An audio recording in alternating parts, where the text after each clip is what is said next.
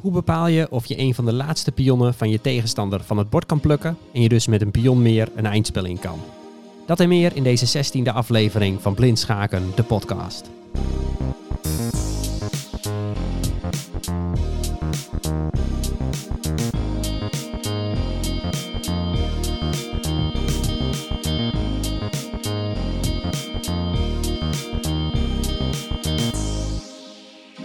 Mijn naam is Jan Spoelstra. Welkom bij deze schaakcursus per podcast. Ik ben bezig om een aantal bouwstenen te verzamelen aan de hand waarvan je eindspelen kunt beoordelen. Eindspelen met koning en pionnen op het bord. Tot nu toe hebben we het alleen maar over twee koningen en één pion op het bord gehad. Er komen nu meer pionnen bij. En ik ga vooral uh, jullie leren hoe je snel kan zien of je de pion van de tegenstander kan winnen of niet.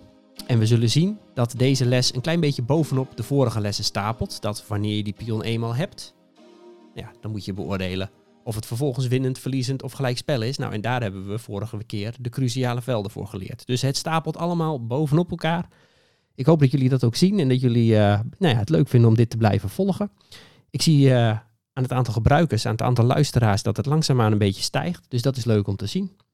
Dan heb ik nog een tweede stelling voor jullie. En die uh, vind ik zelf wel heel fascinerend, omdat je aan de ene kant als mens daar heel ver vooruit kan denken. En ik zeg als mens, omdat ik hem even geanalyseerd heb met de computer op een uh, voor de computer uh, maar matig niveau. De computer keek maar 15 zetten diep. Maar het blijkt dus dat je zelf meer zetten diep kan kijken. En die computer waardeerde de stelling dus slechter als dat ik hem zelf zou waarderen. Dat, dat straks en meer. En daar zit dus ook een van de, de bouwsteen die ik in deze podcast leer. Die speelt daar ook een cruciale rol in. Ja, en verder, wat komt verder ter sprake? Misschien een wijze levensles of een wijze schaakles. Je moet altijd rekening houden met de plannen van je tegenstander. Een beetje in scenario's denken en een beetje daarop anticiperen. Goed, wat hebben we nodig voor deze podcast? We hebben voor zwart en wit koningen nodig en de dames. En we hebben voor elke kleur ook vier pionnen nodig. Oké, stelling 1. Ja, en voor deze eerste stelling zet ik de witte koning op Bella 5 en de witte pion op Eva 5. Ik zet de zwarte koning op Caesar 7 en ik zet een zwarte pion op Eva 6. En de vraag is, wit aan zet en wint. Wat is de beste set? Nogmaals de stelling. De witte koning staat op Bella 5. Witte pion staat op Eva 5. Zwarte koning staat op Caesar 7. En de zwarte pion staat op Eva 6. Wit aan zet en wint, wat is zijn beste zet? Als we naar de stelling kijken, dan zien we dat de pion van ons, dat dat een pion is die uh, al voorbij het halverwege punt is. Als wij dus die zwarte pion weten te slaan met onze koning, dan staan wij meteen op een cruciaal veld. Dat hebben we in de vorige afleveringen uh, gezegd, uh, dat geleerd. Dus we moeten die pion proberen te slaan. Nou, dan ga ik nu een stelregel uit de doeken doen, waarlangs je kan beoordelen of je een dergelijke pion kan slaan of niet. Als je naar de pion van zwart gaat op Eva 6 en je stapt uh, drie velden naar links, dan zijn dat de drie velden waar je als wit zijnde op moet komen te staan. Eén van die drie velden. En dan weet je zeker dat je die pion kan pakken. Je weet dan nog niet helemaal zeker of je de partij gaat winnen. Maar in dit geval weten we al dat die pion op een cruciaal veld voor wit staat. Dus dan weten we ook dat we de partij gaan winnen. En aan de andere kant van die zwarte pion, dus uh, de, de, drie velden waar het in dit geval om, gaat, omdat onze koning aan de linkerkant staat uh, van die zwarte pion. In dit geval gaat het om de velden David 6, Caesar 6 en Bella 6. Dat is ons doel met de witte koning. Maar als de koningen aan de andere kant zouden staan, zal hetzelfde opgaan voor de velden Felix 6, Gustav 6 en Hector 6. Hoe ziet dat er dan uit? Nou, laatste kans om de podcast even op pauze te zetten en om het zelf uit te spelen. Maar de beste set voor wit is de koning naar Caesar 5. We pakken de oppositie. Uh, zwart moet met zijn koning naar een veld toe, waardoor hij de drie velden waar ik naartoe wil uh, los moet laten. Een van die velden moet hij hierdoor loslaten. Nou, hij gaat bijvoorbeeld naar David 7 met zijn koning. En wij stappen op Bella 6. Onze koning staat op een van de velden waar we naartoe op weg waren. Bella 6, Caesar 6 of David 6. Die zwarte pion die gaat van het bord af. En ik weet nu dus ook al, omdat ik de vorige drie afleveringen, de kennis van de vorige drie afleveringen paraat heb. Als ik daar eenmaal sta met mijn koning, dan gaat die witte pion het ook halen. Dus dit, zijn, dit is hoe de bouwstenen die ik in deze podcast behandel, bovenop elkaar stapelen. Oké, ik hoop dat jullie dat ook zien. Zwart is aan zet. Ja, hij, hij, hij gaat zijn pion uh, op, op, op iets beter clubniveau. Wordt dit waarschijnlijk al niet meer uitgespeeld. Dan ziet Zwart al dat het hopeloos is. Ze zullen het misschien wel proberen. Maar Zwart gaat met zijn koning naar David 8. Nou, wij stappen op die pion van Zwart af op Eva 6. Dus onze koning gaat naar Caesar 6. Nou, Zwart wil dat proberen te voorkomen. Dus hij gaat met zijn koning naar Eva 7. En nu pakken we weer de oppositie, maar dan niet over de dwarsrichting van het bord, maar over de lengterichting van het bord. 90 graden gedraaid. Wij stappen met onze koning naar Caesar 7. Um, zwart gaat met zijn koning naar Eva 8. Dan stappen wij met onze koning naar David 6. Zwart heeft nog één kans om die zwarte pion te verdedigen. Eén laatste stuiptrekking wil ik het eigenlijk zeggen, want hij, uh, hij kan eigenlijk niks beginnen in deze stelling. Zwart gaat met zijn uh, koning naar Felix 7. Nou, Zwart heeft eigenlijk maar één veld van waar hij die zwarte pion van hemzelf kan verdedigen. En dat is inderdaad Felix 7. Dus daar ga ik hem nu definitief wegjagen. Door met de koning naar David 7 te stappen. En nu moet Zwart zijn pion loslaten. Hij gaat bijvoorbeeld, nou misschien zijn beste verdedigende kans is door naar eh, Felix 8 te gaan. Wij slaan de zwarte pion op Eva 6. We staan daarmee op een cruciaal veld waarvan ik weet, die pion die al voorbij, de, voorbij het halverwege punt is, die gaat het redden. Dat zal ik nu niet uitspelen, daar moet je de vorige podcast maar voor terugluisteren. Gewonnen stelling voor wit. Maar wat nou als in deze stelling zwart aan zet was geweest? Daar kijken we nu even naar. Oké, nogmaals, dezelfde stelling als net, maar nu is zwart aan zet. Uh, wit heeft de koning op Bella 5 staan. Een pion op Eva 5. Zwart heeft de koning op Caesar 7. En een pion op Eva 6. Zwart aan zet en houdt remise. Nogmaals, de witte koning staat op Bella 5 een witte pion op Eva 5, de zwarte koning op Caesar 7 en de zwarte pion op Eva 6. Nou, zwart aan zet en houdt remise. Wat zwart nu zal doen, zet hem gerust even op pauze als je er even naar wil kijken. Zwart moet zijn koning naar Bella 7 spelen. Elke andere set voor zwart verliest.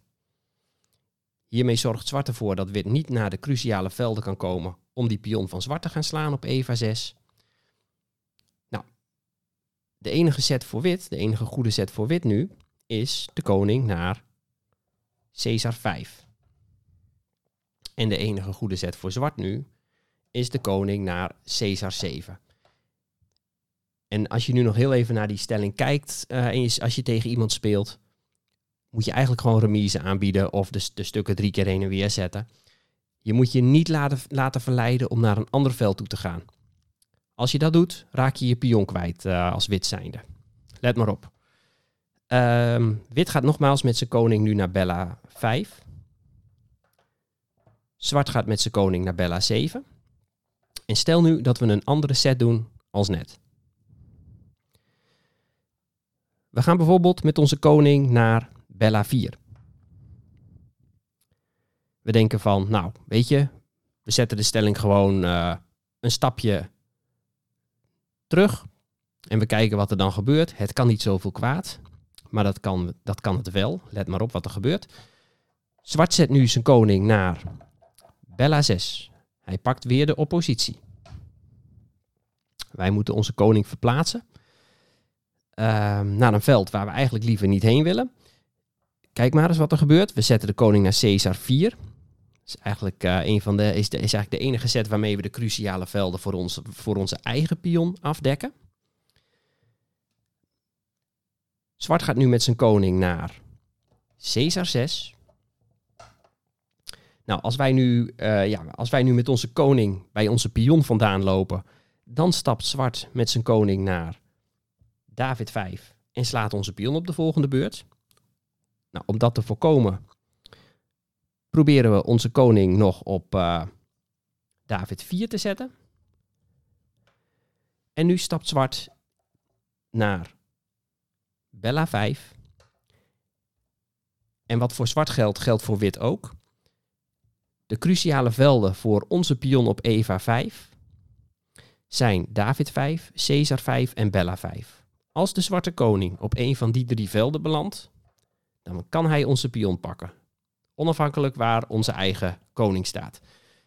Uh, nou ja, dat is niet helemaal waar, want als onze koning aan de andere kant van de zwarte pion had gestaan op een hele andere plek, dan zouden er weer hele andere problemen op, op gaan.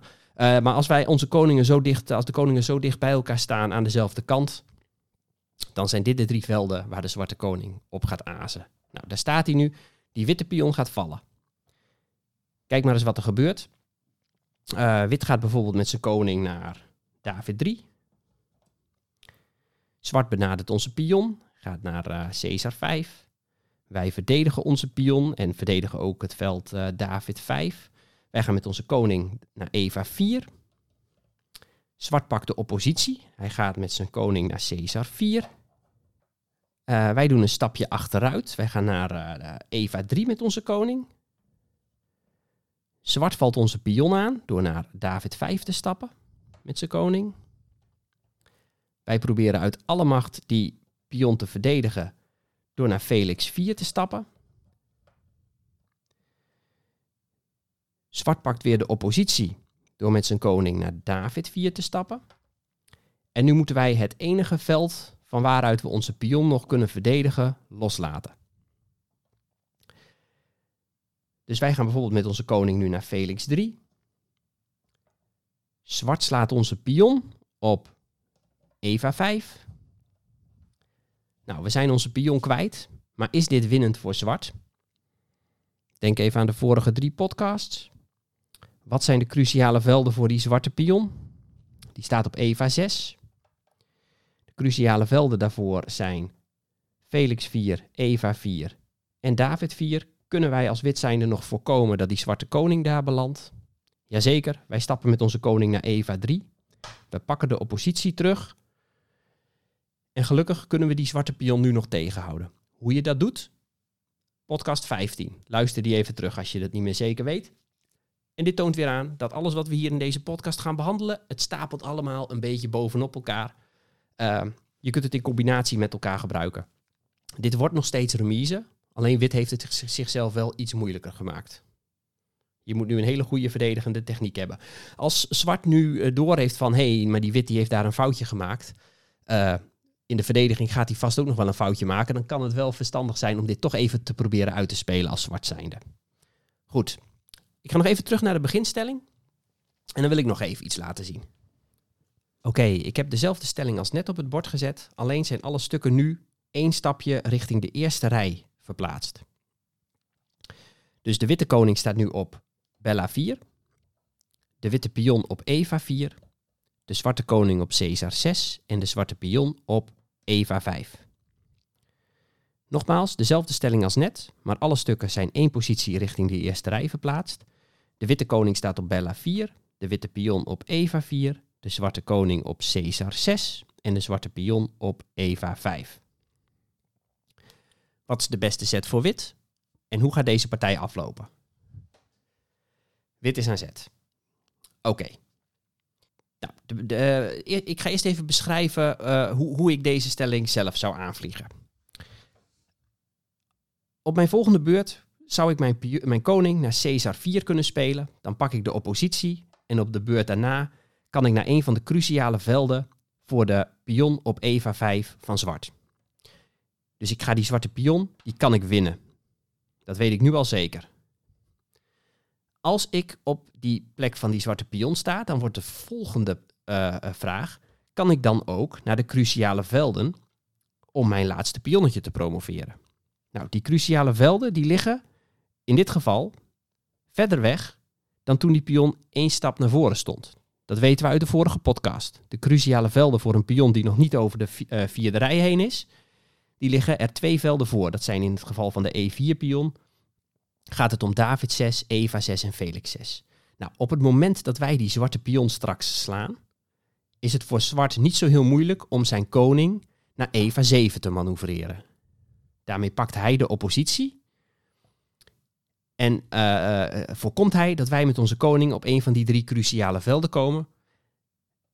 En dan kan hij het verdedigen bij goed spel, nauwkeurig spel. Dus dit wordt in principe remise. Tegen Magnus Carlsen zal ik meteen een remise aanbod accepteren of het zelf al aanbieden in dit, in dit geval. maar goed, in een lange vermoeiende partij tegen iemand van gelijkwaardig niveau kan het geen kwaad om dit uit te spelen. Wie weet maakt hij een foutje. We gaan even kijken hoe dit er in de praktijk uitziet als je dit uitspeelt.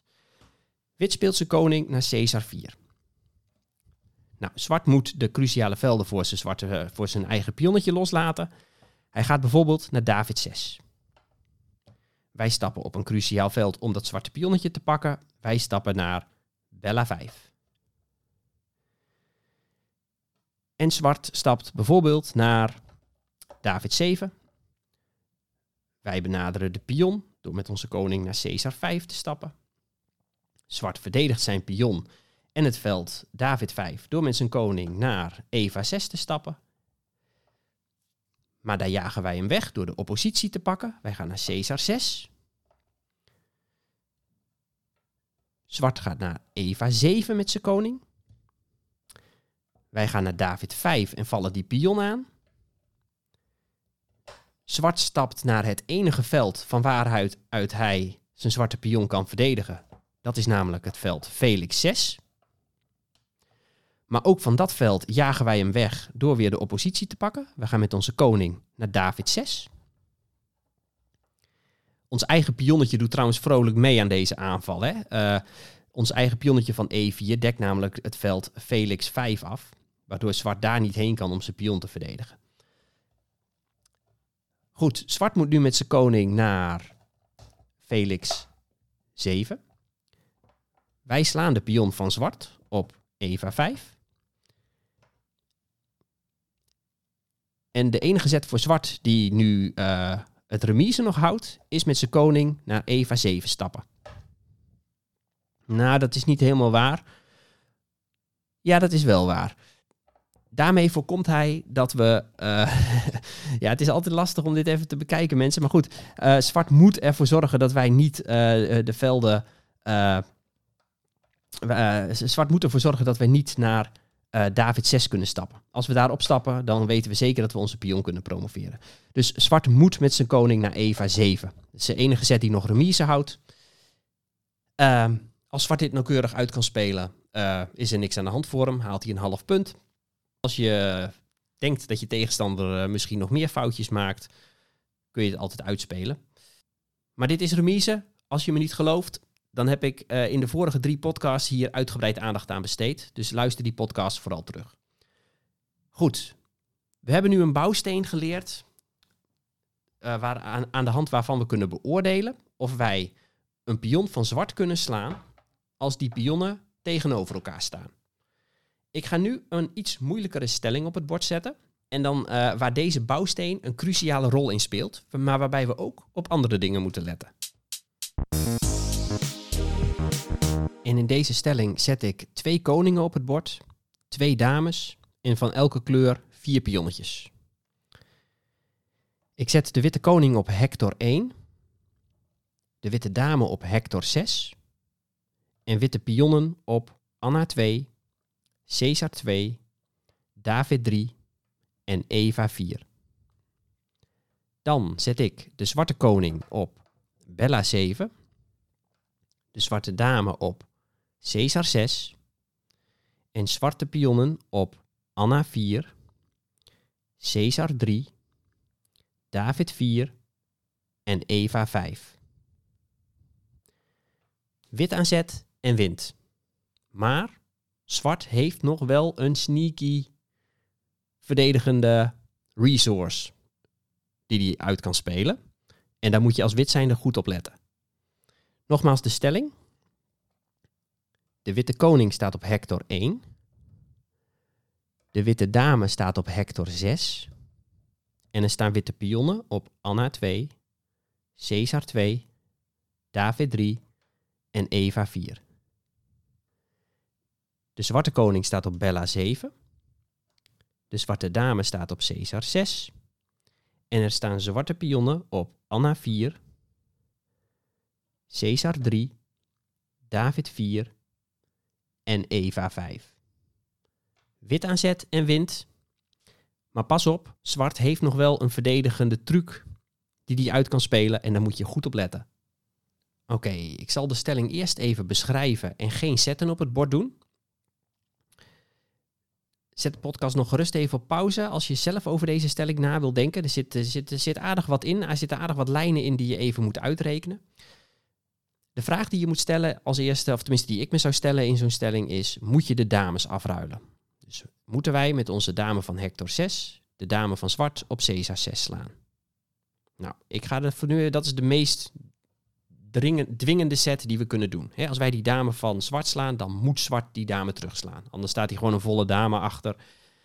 Ja, en wordt, uh, wordt het een hele makkelijke winstpartij.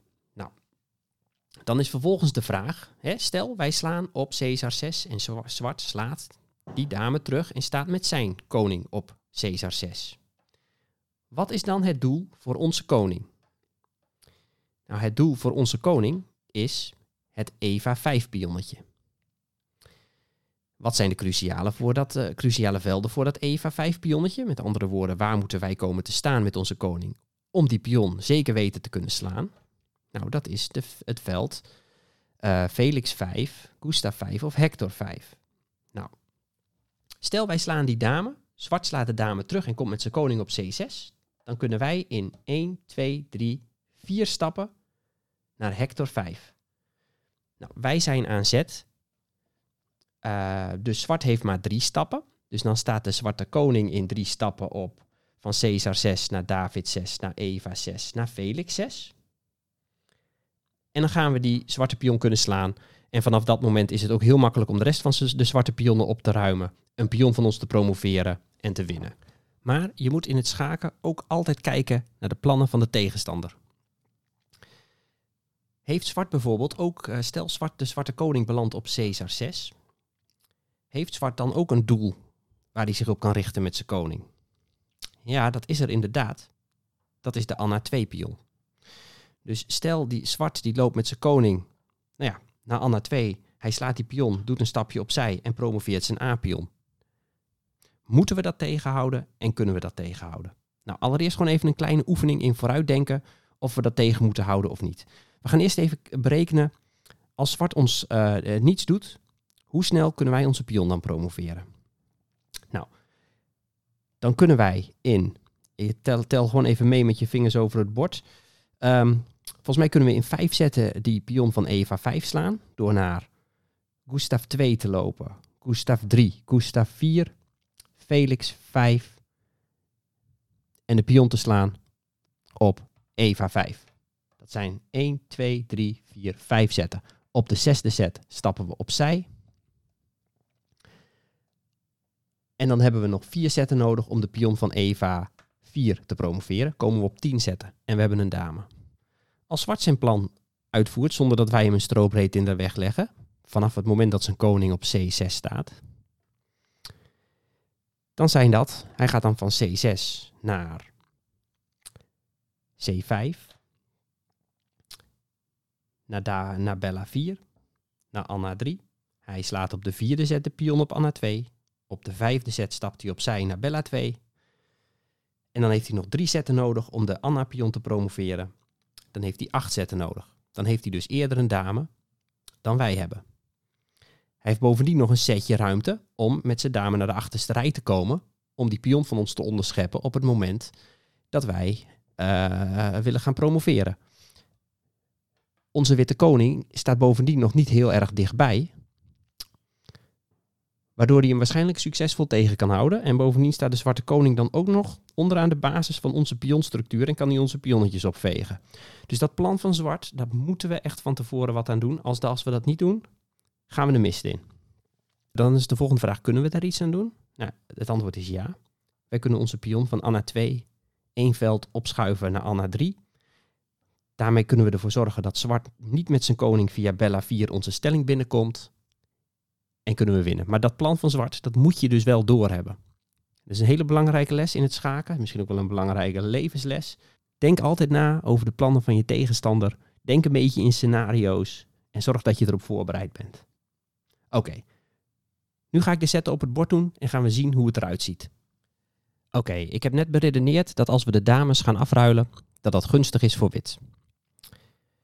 Dus die set breng ik op het bord nu. De dame van hector 6 van wit slaat de dame van zwart op Caesar 6. En zwart slaat deze dame terug met zijn koning. De koning van Bella 7 slaat de dame op Caesar 6. Oké.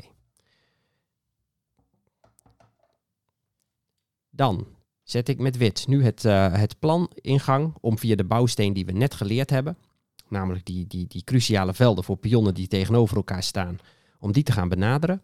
En vervolgens die pion van het bord te slaan, dat zet ik nu in gang als wit zijnde. Ik zet de koning daarom van Hector 1 naar Gustav 2. Zwart, nou, die kan ook tellen. Die ziet, oké, die witte koning die kan uh, zeker weten op de velden Felix 5, Gustav 5 of Hector 5 komen. Dat kan ik bij mijn eigen koning niet tegenhouden, dus ik moet een eigen aanvalsplan bedenken. Nou, zwart ziet het uh, pionnetje op Anna 2 staan en denkt, daar ga ik op af. En speelt daarom zijn koning naar Caesar 5. Nou, we hebben net al, uh, wij zien dat aankomen. Wij zien dat zwart met zijn koning naar Bella 4 wil om onze stelling in te dringen. De Anna 2 pion te slaan, opzij te stappen en zijn eigen Anna pion te promoveren. Dat moeten we op dit moment tegenhouden. Enige zet voor wit die nog winnend is, is nu de pion naar Anna 3 spelen. Met je koning richting de cruciale velden voor die pion lopen, dat verliest in dit geval. Ik zal dat straks uit gaan spelen. Wij moeten onze pion naar Anna 3 spelen. Oké, nou zwart ziet daar verder geen heil meer in, want het staat daar helemaal klem. Dus hij gaat nu proberen om toch nog die cruciale velden voor zijn pion af te dekken. Hij stapt naar David 6. En wit stapt met de koning naar Gustav 3.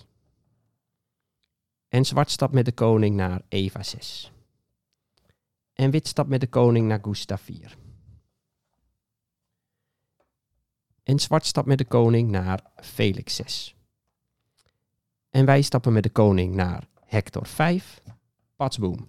We staan op een cruciaal veld om die zwarte pion te pakken. Ik weet nu, die zwarte pion van zwart, die gaat vallen. Nou, zwart is daar nog niet zo heel erg zeker van. Die speelt gewoon door. Hij zet zijn koning naar Felix 7. Wij benaderen die zwarte pion door van Hector 5 naar Gustav 5 te gaan. Zwart probeert die pion van E5 te verdedigen en stapt naar Eva 6.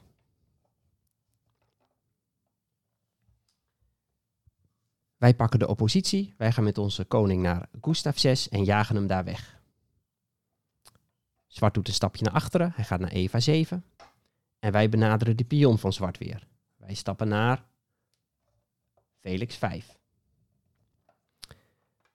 Zwart heeft nog één veld over van waar hij zijn pion kan verdedigen. Hij kan nog naar David 6.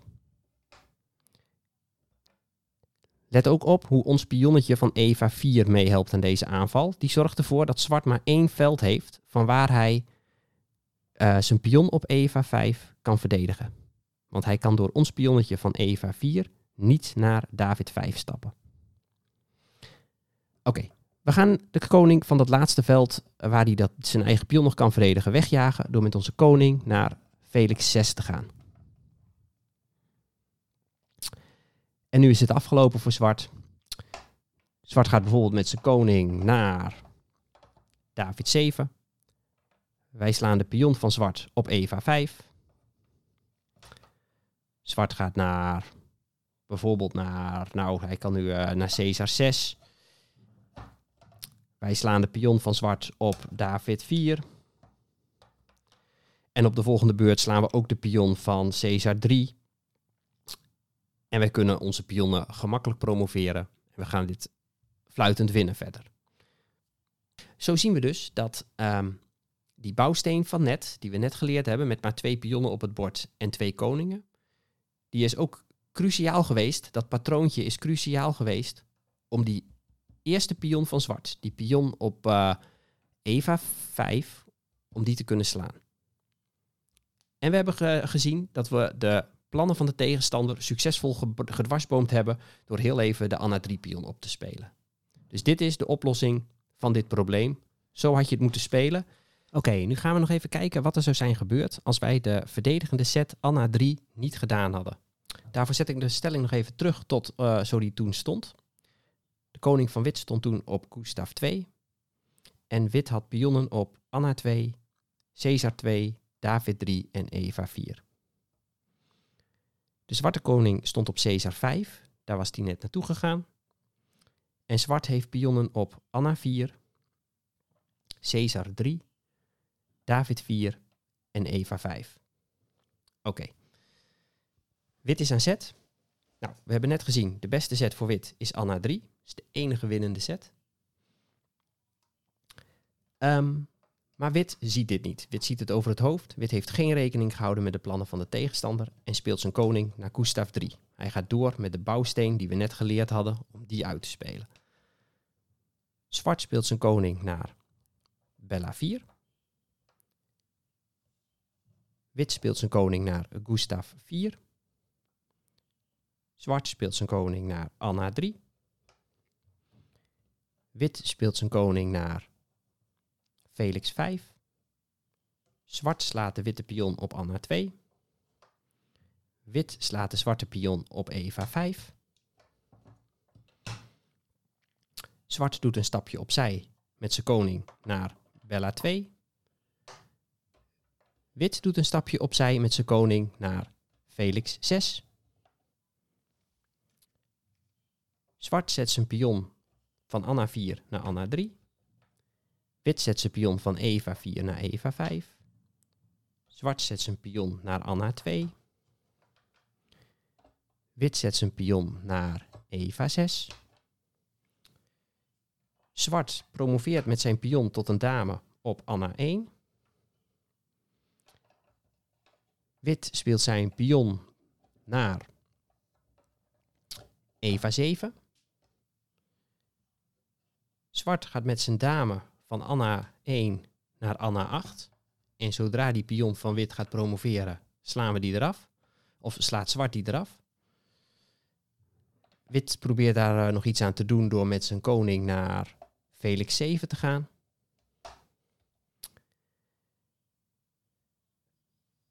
Uh, zwart. Nou, hè? Zwart kan die pion van wit gewoon slaan als die promoveert. Um, dus uh, dat kan hij gewoon lekker laten staan daar en ondertussen pionnetjes van wit opruimen. Zwart slaat de pion van wit op Caesar 2. Nou, wit weet van ellende niet meer wat hij moet doen. Hij promoveert toch zijn pion maar. Die van Eva 7, die gaat naar Eva 8, dat wordt een dame. De zwarte dame slaat vervolgens de witte dame op Eva 8. De koning van wit slaat de dame van zwart op Eva 8. Zwart gaat verder met het beslaan van de laatste pion van wit op David 3. En een van die twee pionnen gaat moeiteloos promoveren. Dat wordt een dame. We zetten de koning van wit schaak. Of ja, het was eigenlijk de koning van ons, hè, omdat we die fout gemaakt hadden. Afgelopen voor wit. Doordat wit geen rekening gehouden heeft met de plannen van de tegenstander. Dus dat is ook een, een wijze les in het schaken. Je bent heel erg geneigd om zelf plannen te trekken en die uit te voeren. En te vergeten wat de plannen van de tegenstander zijn. Ja, dat is wat ik in deze aflevering wilde vertellen, mensen. Wat misschien tot slot nog even leuk is om te melden. Deze laatste stelling waar ik nu uh, afgelopen kwartier over gepraat heb. Die heb ik uh, voordat ik hem besprak even in de computer gestopt. Om te kijken of wat ik zei een beetje steek houdt. Of het een beetje klopt en of ik geen dingen over het hoofd zie. Want ik heb die stelling van de website van chess.com gehaald. Maar ik heb hem zelf een klein beetje uitgebreid. Met twee dames erbij op het bord en een koning wat verplaatst. Om te kijken of ik niks over het hoofd zie, zet ik hem altijd even in de computer. En het was wel grappig om te zien. De winnende set voor ons was die dame van zwart slaan, waarna zwart hem terugslaat. Uh, om vervolgens uh, een plan voor zwart eruit te halen door onze pion op te spelen. En vervolgens uh, naar een van die cruciale velden voor zo'n pionnetje van zwart te lopen, van waaruit je weet dat je hem kan slaan en vervolgens die pion slaan. Dat was een beetje het plan. Hè? Dat plan duurde ongeveer 11 zetten voor wit, denk ik, misschien 12. Computer die dacht maar 15 zetten diep in, op de standaard instellingen zo ik hem heb staan. Dat is een niveau, dat is voor mensen van mijn niveau, zo 1400 uh, rating van de KNSB. Meer dan voldoende om, om te bepalen of je goede, uh, goede of foute zetten doet, of om een partij te analyseren en te kijken waar jouw fouten zaten. Maar in deze stelling duurde het dus meer dan 15 zetten, hè? een stuk of 11 zetten voor wit, 10 zetten voor zwart. Samen ja, ruim 20 zetten. Die computer heeft niet zo diep kunnen kijken. En die gaf dus het slaan van die dames als plus 0,61. En de twee andere zetten, daar gaf hij 0,00 en 0,00 voor. Daar dacht hij dat het remise zou worden.